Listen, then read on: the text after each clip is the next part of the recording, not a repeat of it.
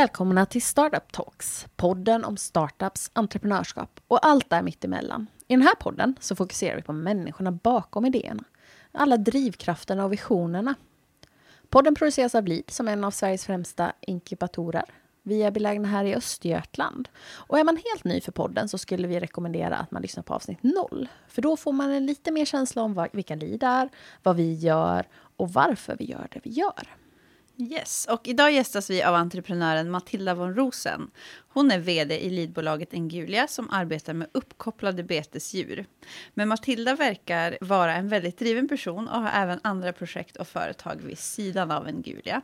Och det ska bli så fantastiskt roligt att få lära känna dig mer och även hennes drivkrafter. Varmt, Varmt välkommen. välkommen. Tackar. Ah. Hur mår du idag? Jag mår bra. Mm. Solen skiner och det är lite somrigt ute. Ja. ja. Härligt. Men berätta mer, vem är du Matilda? Ja, jag är en 50 plus dam, tant, mm. whatever. Ja. Mm. Eh, uppväxt i Götene i Västergötland. Som, ja, jag pluggade här i Linköping på universitetet 93 till civilekonom, mm. råkade det bli av någon slump som jag inte riktigt vet varför. Um, efter det började jag jobba upp, flytta upp till Stockholm och började jobba där i några år innan jag flyttade tillbaka hem till mina ursprungstrakter 2003. Så nu bor jag i Axvall med familj, man och barn och hund och hästar, typ. Mm. Men varför har du ett bolag på Li då? Mm. Det har jag därför att jag har det bolaget eh, ihop med Fredrik Gustavsson som jobbar på Linköpings universitet. Och på den vägen är det, så då var det smidigt att, att det lite, är lite rotat här i Linköping. Mm. Och du är ju vd och medgrundare för Engulia mm. tillsammans med Fredrik. Berätta mer, vad gör bolaget Engulia? Bolaget Engulia jobbar med eh, teknik, hur teknik på olika sätt kan underlätta både vad gäller vilda och tama djur. Eh, så en stor grej vi håller på med just nu då är att sätta GPS-positioner på, bet, på, nöt, eller på korna framförallt, men även får. Så att lantbrukarna vid sin dagliga tillsyn lättare kan hitta sina djur och kan se deras beteende, hur de rör sig och, ja, och beter sig. Och det här är den första biten. För sen är nästa steg att vi vill lägga till aktivitetsanalyser så man även kan förstå mer och kunna larma om djuret verkar må dåligt eller eller om det kalvar eller om det börjar brunsta igen. Eller ja, massa spännande grejer som vi ska klura ut i vilken ordning vi ska prioritera och ta fram de sakerna. Mm. Um, och sen på vilda djur, vi har faktiskt uh, taggar på två björnar uppe i Norrland, eller någonstans uppe i norr. Oh, det var skönt att de var långt uppe i norr. Jag är livrädd för björnar, kan vi outa helt. Ja, ja, Men även ett rådjur har en tagg också, för de, vi testar om de funkar även med lite tuffare tag i det vilda, får mm. vi se. Men vad är det som är så bra med att ha koll på alla djuren? Jo, för många eh, lantbrukare behöver ju, eller man måste ju ha den här så kallade dagliga tillsynen av sina djur. Och sen vill vi ju även att alla de här lite svåra naturbetesmarkerna betas av. Och de är ju ofta rätt kuperade och stora. Och, så att det, det är inte så lätt alltid att gå och göra din dagliga tillsyn. Så för att underlätta för lantbrukarna faktiskt välja att ha djuren där, vilket gynnar den biologiska mångfalden, så finns vår teknik att göra det lite smidigare för dem att välja de typerna av beten. Mm, spännande. Och hur mm. började det liksom? Tänker jag. Från idé, vart kom den ifrån? Hur, och hur träffades du och Fredrik? Precis, jag får många frågor samtidigt. Och han i Östergötland. Nej, ja. Nej det, det, vi sprang på varandra. För då var jag i Västergötland på Agroväst. Mm. Och eh, Fredrik var på eller är på Agtech 2030 här vid Linköpings universitet. Och vi hade ett gemensamt projekt ihop. Så vi eh, sprang på varandra via det gemensamma projektet nere i Hannover på Agritechnica. Ja.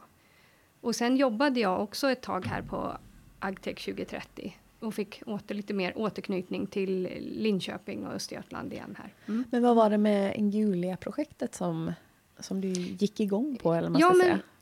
Um, det var ju just det här. Jag har ju alltid tyckt det är kul att göra eller alltid tyckt, men jag har mer och mer blivit intresserad av det som inte riktigt finns, att faktiskt göra nya saker som jag ser kan underlätta och förbättra för människor eller djur i, i det här fallet. Um, så då satt ju vi och spånade, för Fredrik hade ju varit engagerad i, um, i den här noshörningsparken, Ngulia nere i Kenya. Det är därför vårt bolag heter Ngulia då. Mm. Och så att det är egentligen samma teknik som vi använder, fast vi applicerar det på, på andra djur helt enkelt och med lite andra typer av taggar och så. Mm. Mm. Var det svar på frågan? Ja, då. ja. Nej, men det är alltid nej, intressant nej. att veta mm. liksom, hur hittar man och Fredrik då, som mm. kanske är forskare mm. på, mm. eller kanske han är mm. forskare på Linköpings universitet. Hur hittar man den där kanske lite mer entreprenöriella personen mm. som man vill liksom gå in i, mm. i att liksom göra den här resan tillsammans? För det är ju lite som ett partnerskap ja. som i andra typer av partnerskap också. Ja, men precis. Uh, för det är det som är, i just det här fallet så är det lite spännande eftersom Fredrik och jag är väldigt, har väldigt olika profiler. Uh, för han är ju verkligen tekniknörden medan jag kommer med mer affärs och hålla ihop hela bolaget och strukturera och, upp de bitarna. Mm. Så att det gör att det vi har väldigt enkelt att samarbeta för vi funkar, trots att vi har helt skilda profiler så funkar vi väldigt bra ihop och det är väldigt kul ihop där i vårt bolag. Mm. Mm. För jag tänker, har det varit någonting som varit utmanande? För jag tänker, om man, eller vi hör ju väldigt många kanske forskare som har den här, eller ett resultat eller en idé. Mm. Eh, som har väldigt svårt att hitta sådana som dig. Vad, mm. vad, skulle, har du något tips till de här som sitter på det här, de här tekniknördarna som du själv sa? Hur ska man gå tillväga för att fånga ja, en egen för, Matilda? Mm, för det jag upplever ibland, eh, eller det jag har sett, är att jag tycker vissa eh, har vissa som har kommit på en smart grej eller så, de, de sitter så fast att de ska ha hela kakan, men det blir ju inget av den kakan om inte man förverkligar kakan. Och därför måste man ju släppa in nästa person som kan förverkliga att kakan också blir bakad i ugnen, höll jag på att, mm, att säga. det händer. Ja, mm. ja precis. Um, så det är nog min erfarenhet att många tror att sin kaka är värd så himla mycket, men den är inte värd så mycket, även om det är en jättebra idé, innan den faktiskt har blivit förverkligad. Mm. Mm. Mm. Men det är klart, det vill ju till att hitta, för man måste också hitta någon som man funkar bra ihop med och har samma vad vet jag, grundvärderingar, hur man mm. driver bolag och allt sånt här också. Ja, det är mycket som ska mm. klaffa i den. Mm. Hur ser den långsiktiga versionen ut för eh, den, en Gulia? Ja, den långsiktiga visionen är ju att vi ska få just nu håller vi fortfarande på att famla med lite olika teorier och idéer och tekniker. Mm. Så vi, vi får ju se vad det är för grejer som lyfter och tar fart mm. och så mm. får vi satsa vidare där så att säga. Eh, men den långsiktiga visionen är ju att det ska bli ett bolag som nu sitter jag och säger det här, det har inte stämt ja. av med Fredrik, men det får han hålla med om. Ja. Eh, ett bolag som står helt på egna ben utan några stöd och, och grejer, externa stöd och, och, som har sina egna programmerare och som funkar helt självständigt, mm. tänker jag. För idag är det du och Fredrik i bolaget? Ja. ja. Mm. Hur, jobbar du heltid med? Nej, jag jobbar deltid med det här. Mm. För jag verkar ha en läggning för professorer, så jag jobbar i ett annat bolag. Ja. Um, där det är två professorer från SLU. Och i det bolaget som heter Science så ja. uh, jobbar vi med att avla fram hussyrsor för mm. livsmedelsändamål. Ja. Mm. Så det är lite annan är inriktning, annan, ja. men det är ändå djur. Mm, ja. mm. Och väldigt spännande. Ja, det är superspännande. Mm. För vi tycker att ja, men det kostar så mycket miljömässigt att ta fram animaliska proteiner och så vidare. Men husdjur är animaliska proteiner och det går att ta fram på ett betydligt mer hållbart sätt än många andra. Mm. Och det är inte så långt bort att vi... Det är inte så... Alla tror att det är så äckligt att äta ja. syrsor eller liksom så. Men när du mal ner, mal ner det till pulver och har det i, i mat, så jag menar, det, det, är, mm. inga, det är ingen issue. Det, det, är faktiskt väldigt lätt att vänja sig vid det. Mm. Mm. Mm. Vad är det, finns det en anledning till för att eh, både Ngulia och Sysch-projektet. Science. Eh, och eh, sen tror jag du har lite andra projekt vid sidan. Det är många Mm, järn i ja, elden här. vet, ja. Eh, handlar ofta om ja, men mat, det är Ja. lantbruk. Hur, Ja. vad kommer, hur kommer det Jo, sig? att ja, men det, det är nog, för jag kommer ju från en, en släkt, min, min pappa och farfar och farfars far drev ett bolag, eh, entreprenör, på så sätt att de eh, drev bolag inom spannmålshandel, inom lantbruket då.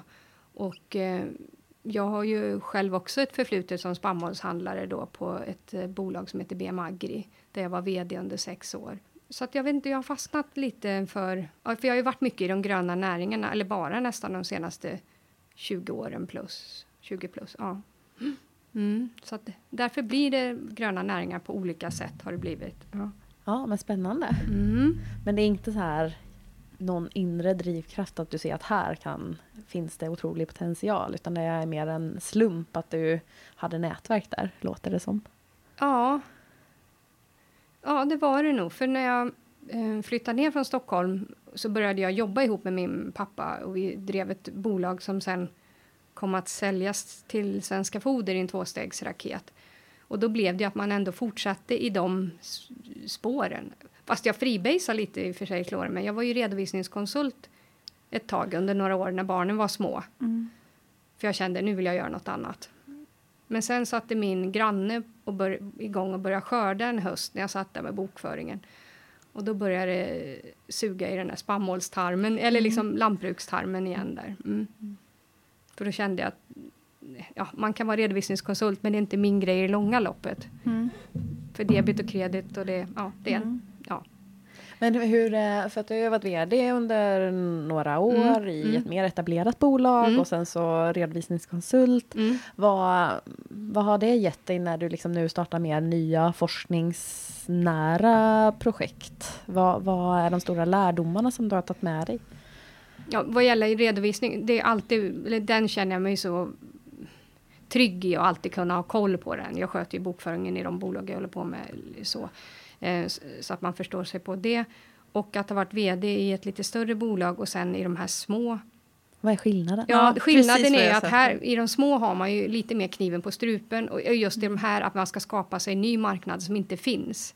Att spannmålshandlarmarknaden och mm, där vi handlar med oljeväxter och spannmål och gödsel, ja men det var ju bara frågan, eller bara bara, men det var bara frågan om priser och grejer. Här ska vi skapa något som inte finns och det är väl det som jag tycker är det roliga och, utmanande i det hela. Och vi har varit inne på drivkrafter och sådär. Men Mm. vad är det liksom som gör att så här, det är det här jag eh, går igång på? Eller vad, Mm. vad går du igång på? Mm. Och eh, just att du startar andra projekt. För som Mm. sagt, det är ju inte bara en eller två. Eh, Nej, ja. Det har ju många järn i elden. Ja, jag vet Men jag är väldigt nyfiken och tycker om att lära mig nya saker och vill testa nya saker. Så att man, jag menar, man har ju testat massa grejer och vissa har blivit helt floppar. Men ändå så lär man sig saker på vägen som man har nytta av längre fram i alla fall. Ehm, så det är ju kul att testa nya saker. Ja. Ja. Och Jag tänker då som motsatt också, så här, vad får du att tappa lusten? När det bara blir em, förvaltning. Ja. Jag är, jag är ingen förvaltare. Nej. Nej. Eh, utan det ska vara nya grejer, projekt, ny utveckling, eller ja, ja förvaltning. Mm. Framåtanda liksom. Ja, eller när det liksom bara blir same same Mm. på något sätt. Det är inte min.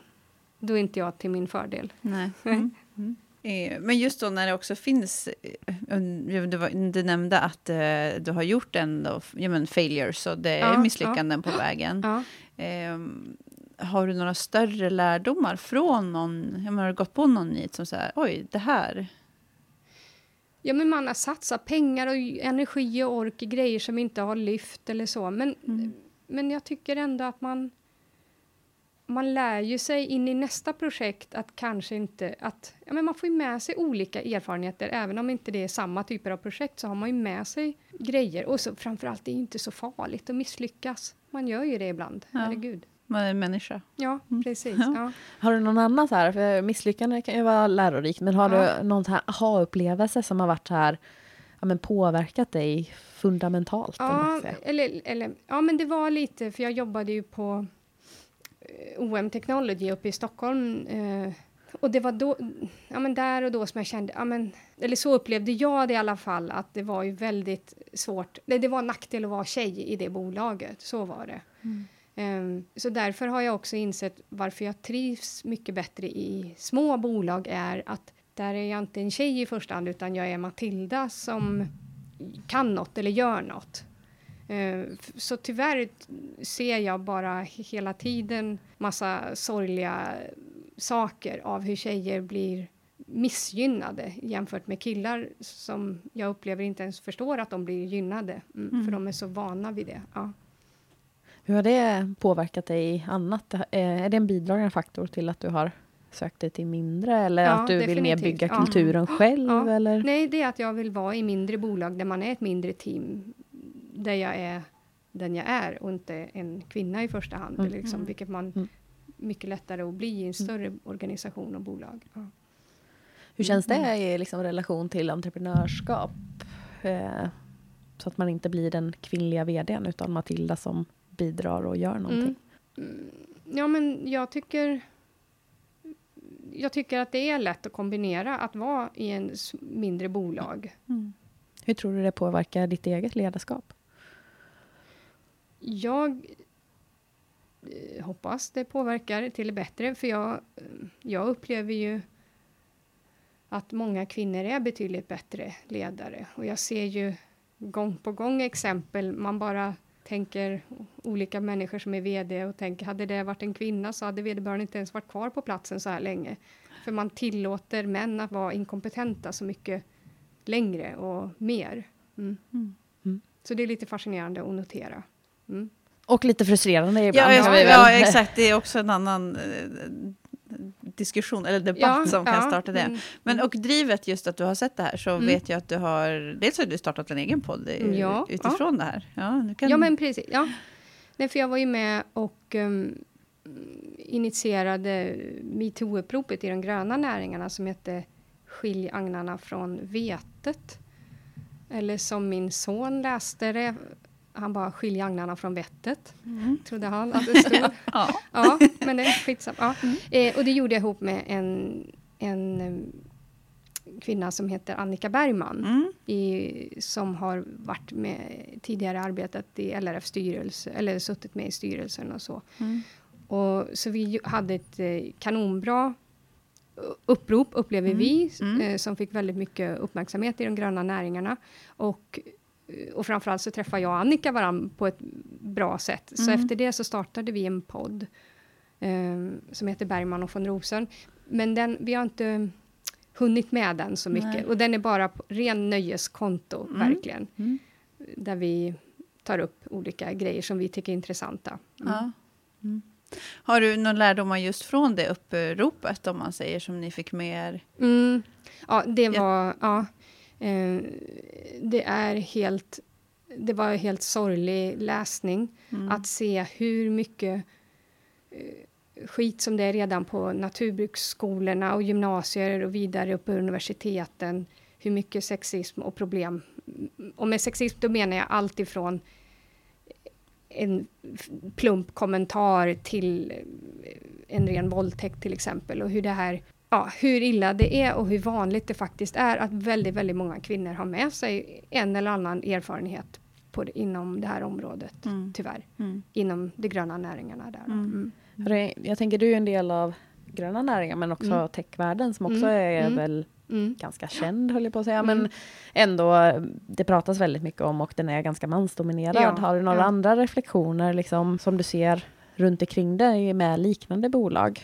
Mm. Ja, men det är ju också att... Um, nu låter jag som en så här bitter gammal dam, men, mm. nej, men det är ju lite samma sak. att du ska helst vara en 30-årig tuff nyutexad ingenjör för att passa in i mallen i techvärlden, mm. tyvärr. Um, upplever jag. Och även där mm. att... Um, för där ser man ju också det här att killar behöver inte bevisa sin um, de behöver inte bevisa sin talang eller sin potential, medan som tjej behöver du bevisa att du verkligen genom att visa ditt track record bakåt, eller du vet, på ett annat sätt. Mm. Och det där är lite tröttsamt känner jag. Så därför har jag insett uh, att jag ja, förutom Fredrik då, i det andra bolaget här så är det bara tjejer och det är så skönt. Mm. Eh, ja, så det funkar. Mm, det är oftast mycket lättare att jobba ihop med tjejer, för, tycker jag ibland, för det blir, det blir gjort det som ska bli gjort och man jobbar prestige. Ja, det är ett annat sätt att jobba. Mm. Eh, har du reflekterat, nu blir jag nyfiken här. Ja. Du, men i relation till LID, liksom, för vi utvärderar ju idéer och ifrågasätter ju idéerna. Har du känt att man blir behandlad på ett annat sätt som en kvinnlig entreprenör Nej, och VD? Där än, har jag eh, inte tänkt någonting faktiskt i de banorna. Och det måste ju vara ett gott tecken, tänker jag. Ja. För där har jag inte alls tänkt så. Men det är, det är väl rätt så jämnt fördelat också. Det finns eh, både med män och kvinnor i bland leadpersonalen också, tänker jag. Mm. Jo, och bland bolagen så tror jag vi har är det 34 procent Ja, kvinnliga grundade Ja, bolag just ja, nu. Ja. men det är ju en struggle att få in Ja, fler ja. kvinnliga Men vi grundare, jobbar ju väldigt aktivt med att ja. få in eh, fler, både i alla, på Ja, alla skikt ja, om men man ska säga. precis. Absolut. Eftersom det är en ganska mansdominerad Mm. bransch ändå. Men om man ser till mer så här generellt, liksom, hur är det att driva en startup då? Ja, men det är ibland tänker jag, um, herregud, inte nog med ett, utan jag ska jobba med två startup. Så att jag tänker, vad håller jag på med? För vissa dagar är man så här, nej, jag skaffar ett vanligt jobb. Så jag bara vet, man får sin lön den 25 och kan liksom ta det lugnt. Men sa, å andra sidan så vet jag ju att det är ju, ja men det är ju så oerhört kul att få vara med och påverka och hur bolaget, vad vi gör och hur vi gör det framåt och så vidare. Så vad var din fråga? Ja, men hur det är. Ja, ja. ja jag, t- jag, stod, jag stort, i, och i, I det mesta så stortrivs jag med det. Men sen har man ju svackor när man undrar vad man håller på med emellanåt. Varför man inte kan vara som alla andra och bara ha ett vanligt jobb. Mm. Jag tänker, det, du, det är två startups som driver om man ser på hel, halvtid här nu då, 50-50. Mm, typ, Eh, ja. Är det någon skillnad eh, dels i men Östergötland? Uppsala är det här andra. Är det Uppsala andra? Ja, precis. Ja. Eh, Kan, du, kan du se några skillnader så? Ehm, Vi är fortfarande inom Sverige och Ja, inte ja, jättelångt emellan. ja. Men, Jo, men det är ju lite skillnad, för här i Linköping är det ju mer tech, techgrejer och i Mm. Uppsala är det mer eh, medicin, eh, Mm. eh, läkemedelsforskning forskning och sådana saker. mm, Eh, och mm, men sen, jag tycker väl om Linköpings det här lite underdog-känslan som är lite mer i Linköping jämfört med de här större Uppsala som är så välrenommerat och så. Sen, sen tycker jag jättemycket om Uppsala också, men jag tycker om det här lite underdog-mentaliteten som Mm. Linköping har. Lite. Mm. Mm. Jag tänker också så här, du håller på, ja, men det är ändå det är två startups, det är ju mer jobb även om man säger att man kanske är halvtid i en, Ja, ditt ja. dygn har ju också 24 Mm, timmar. mm, mm. Hur fördelar du jobbet och vad fyller du på med energi? Vad, hur, hur ser dina, hur ser ett dygn ut med Matilda ut? Ja, Nej, men det är ju... Det går ju i, i perioder. Vissa veckor är betydligt mer hektisk och sen försöker jag vara lite noga med att faktiskt ha, tillåta mig själv att ha det lite lugnare i andra perioder. Eh, och nu har jag ju två barn som börjar bli rätt stora, så Mm. de tar ju, ja, det är, de är 16 och 18 då, så att Mm. det är mer att det ska skjutsas och hämtas och lämnas. Ehm, så att det gör ju att man blir ju mer flexibel och det är enklare att hålla på på det här sättet igen nu då. Mm. Mm. Och sen är jag inte den som sitter och pillar mig i naveln. Nej, nej. Nej, det, det Det är väl jag. min svaghet. Jag tror jag ska ligga i hängmattan och läsa en bok. Jag ser det framför mig Ja. varje sommar. Men det är rätt svårt. Men det händer inte. Nej. Ja. Men jag tänker, vi pratade lite så här, var du får energin ifrån, Mm. men eh, vad hittar du förebilder? ja. Har du några förebilder som du liksom ser upp till eller något du ser framför dig, Ja. förutom att läsa böcker i hängmattan? Ja, men en, en förebild, eller före, familj som jag har som förebild, det var ju Eh, när jag jobbade på BM Agri så var ju Mellby Gård delägare i det bolaget. Och eh, Rune Andersson och hans eh, söner och hur de, liksom de är förebilder för de var Ja, de, de tycker jag är inspirerande hur de valde att hantera sina olika delägda bolag och och inkludera oss som vd i deras i bo- bolagen. Men man, vad tusan, man plockar lite godbitar från alla möjliga ställen så jag kan inte... Mm. Säga kommer- något specifikt. Vad sa du? Inte säga något Nej, jag kan specifikt. inte säga så att hon eller han rakt upp och ner, utan det är ju massa olika godbitar och egenskaper från massa olika människor som man stöter på och trillar på. Och som för tillfället där och då hjälper mig att imitera eller plocka den egenskapen då. Mm. Mm. Mm, jag tänker, dels så vet jag, när jag gjorde lite research med dig, att du Mm. även har byggt en auktionssida för hästhandel. Rätta Ja, mig om jag det. Uttrycker ja. mig fel Nej, nu. nej. Eh, även den, lite så här, kan själv, eh, Ja. jag löser det här känslan. Är det en egenskap som Ja. ja. För jag är du nog... tycker, eller liksom, ja. Ja, men för jag är nog lite naiv eh, på de där bitarna. För jag, jag tänker, hur svårt kan det vara, tänker Mm. jag. Och det där är något som jag hade velat ha, så då byggde jag ihop den. Sen Mm. har, är den mitt dåliga samvete, för jag har inte gjort något med den på över ett år. Och så Mm. vidare. Så vi får se Ja. om jag gör något med den. Men Mm. just där och då var det så, ja men det här skulle jag vilja testa, göra och lära mig. Mm. Så jag byggde den ihop med en kille här i Linköping eh, som heter Tobbe, som är jätteduktig på att programmera hemsidor och så. Då. ja. Hur hittar du Tobbe? Tobbe hittade jag på BMAGRI-tiden. Ja, Mm, för så. han gjorde det systemet som vi använde på BMAGRI. Mm, jag förstår. Mm. Eh, och just att så här, ja, men, kan själv, det känns Mm. lite som en, eller hur svårt kan det vara, Mm. en entreprenöriell Mm. Liksom, Mm. egenskap. Skulle du säga att det är någon annan egenskap som du har som du känner att det här är en styrka i bolagsbyggande eller som du ser hos andra av de här som har inspirerat dig? Kanske? Ja, men Mm. Om man ska ge sig ut på startup så får man ju inte vara... Man får ju inte vara rädd för att man inte får in lön den 25 varje Mm. månad. För så funkar det ju tyvärr Eller liksom så gör det ju inte. Nej. Vilket ibland kan vara misströstande och ibland är det fine. Liksom så. så man får ju ha en stöttande omgivning och familj med det hela är ju viktigt om man nu lever i en familj som faktiskt tycker det är okej att man bedriver sina dagar på ett sånt suspekt sätt. Ja, Mm. ja, det ingår ju några andra i sådana fall i det. ja, Ja. ja. Jag är tänker, vi, Ja. vi har ju ganska mycket innovatörer i, i Sverige Mm, eh, och mm. hamnar ju högt i rankingar på Mm. innovatörssidan. Mm. Jag to- tittade på någon undersökning på entreprenörssidan där vi i Sverige egentligen ligger mycket lä- lägre rankade Okej, i entreprenörskap. Ja. Har du några så här tankar om med några tips eller så med folk som kanske är lite nyfikna? Vad, man, vad ska man tänka på? Vad ska man göra? Om man då säger att ah, men jag har kanske ett, jag har ett stödsystem runt mig i familj Mm. och sådär. Så jag Mm. skulle ändå kunna ha ett liv där jag inte får en betal eh, lön den Mm. 25. Mm. Eh, och jag skulle kanske kunna vara lite, vi har ju pratat om att, att man måste vara lite modig, Mm, kanske mm. våga misslyckas. Och så här. Mm. Om man ändå nu sitter här och lyssnar och så har man känt alla de här, det, vad ska man göra då? Om man är entreprenör Ja, eller kanske inte. nyfiken. Ja. Man kanske inte känner att man är entreprenör, men man blev lite nyfiken nu Mm. och kände att ja, men de där två kan jag ändå checka in. Ja, vad, men... Mm. vad ska man göra då när man navigerar i det här? Liksom? Ja, ibland känner jag att man måste... Eh, det var en vän till mig, han sa någon gång så här, när jag skulle säga upp mig från ett jobb och jag var så här, ska jag göra, ska jag inte? Han bara, Matilda, du måste stänga dörren så att hissen kan åka upp till nästa plan. Och den tycker jag, för mig, ja, så är det ju verkligen just i det där fallet. Och jag ångrade ju aldrig att jag sa upp mig från det jobbet där då.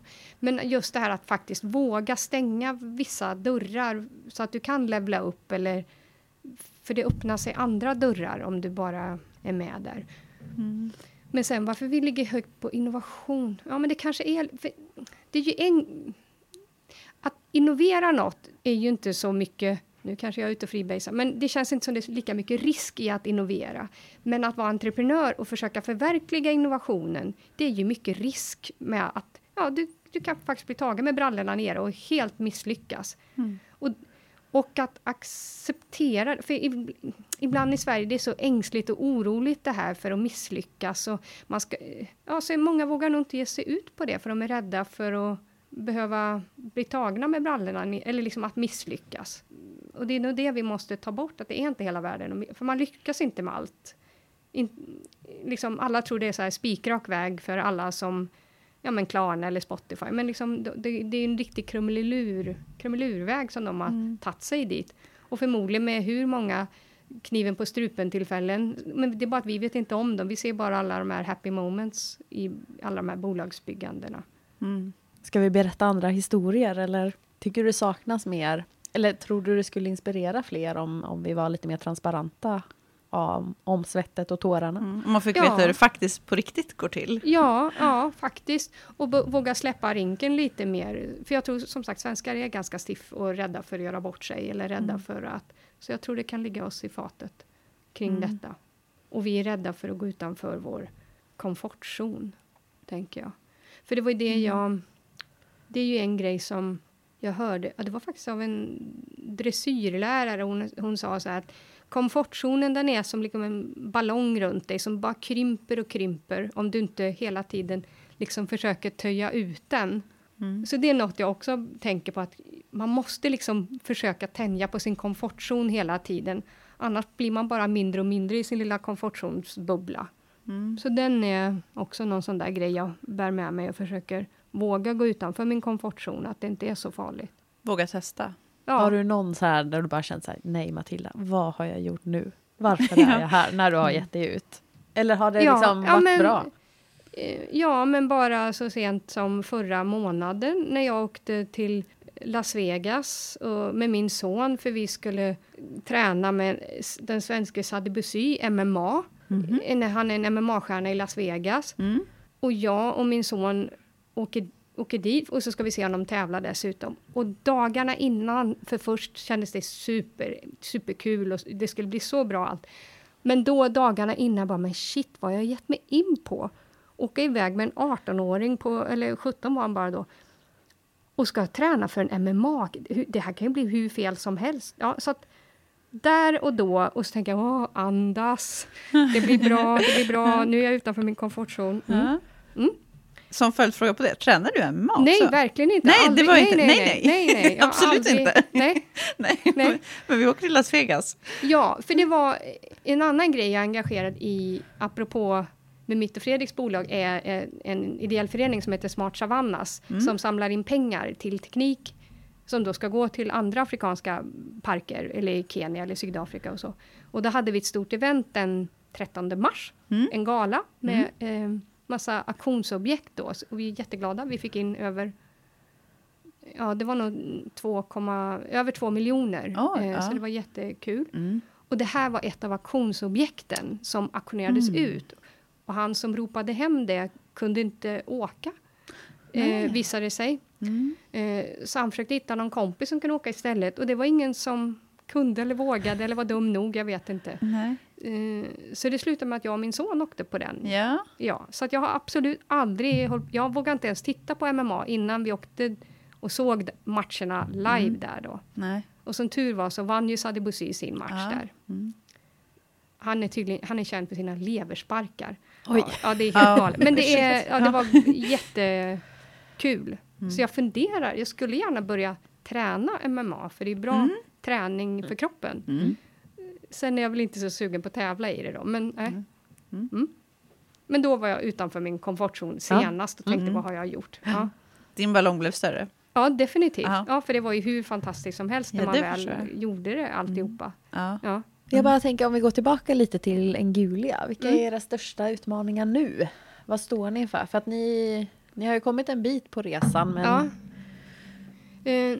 Just nu jobbar vi med att vi, vi måste få fram en eh, affärsmodell som vi vet hur vi kan ta betalt för våra olika saker och tjänster. Eh, och att vi vet att det finns en betalningsvilja där ute som är villiga att betala det här som vi då vill få betalt för så att säga. Eh, så det är det vi jobbar med. Och sen utmaningen också att vi verkligen fokuserar på de lägst hängande frukterna och tar reda på vilka de lägst hängande frukterna är. Mm. Vilka är de just nu? Ehm, just nu är det, förutom att se positionen på djuret, så mm. Eh, vill de veta eh, om tjuren gör sitt jobb ute på betet Aha. eller om de ska byta ut vederbörande. Ja, ja just det.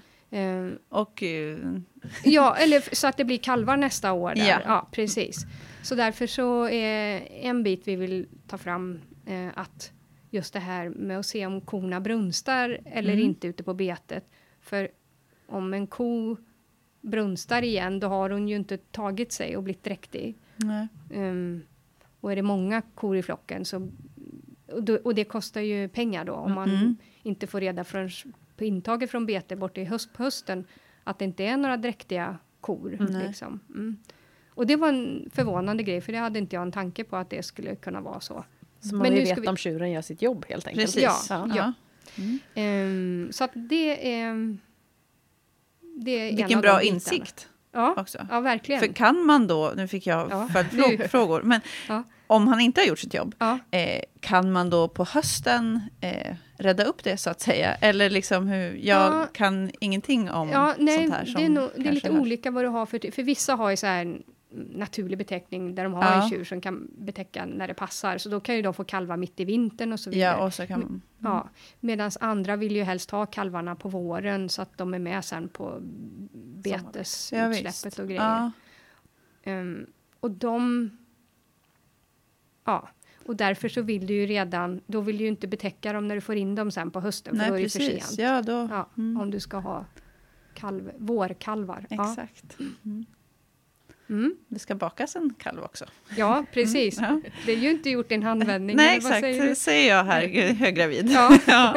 Mm. Ja. Nej, det är lite tid. Ja. Mm. Ja, men spännande. Mycket. Det låter som ni har många olika stickspår i, Mm. i pipen. Mm. Men eh, jag tänker att vi ska börja runda av lite. Mm. Men eh, om vi poddar fortfarande om fem år och bjuder in dig igen, vad, Ja. vad kommer du berätta för oss då? Eh, då har Ingulia tagit fart och är, eh, har ett gäng anställda. Och vi har hittat eh, ett, en eller flera grundben som vi står på, men ändå hela tiden vidareutveckla kring. Och vi kommer att ha sålt våra system och grejer i Sverige. Men även eh, ja, förhoppningsvis nere i Afrika eller på andra, i andra delar också. Som en avslutande fråga då. Mm. Vem är den nästa personen som ni behöver komplettera ert team med? Som vi behöver komplettera teamet med. Ja. Eh, ja, det, blir, det skulle vara en utvecklare i så fall. Mm. Den dagen vi tycker vi har råd med det. Ja, ja, givetvis. Mm. precis. Mm. Ja, Spännande. Mm. Ja. Så är det någon eh, utvecklare där ute Mm. som är sugen på gröna näringar Mm. och eh, så kanske det finns en öppning så småningom. Mm. Mm. Absolut. Jättetack Matilda för att vi har fått prata med dig. Tiden går Tack. fort eh, när man har roligt. Men, eh, så det är dags att runda av helt enkelt. Mm. Men tack för din tid och Ja. engagemang. Tack så jättemycket. Tack för att jag fick komma. Tack.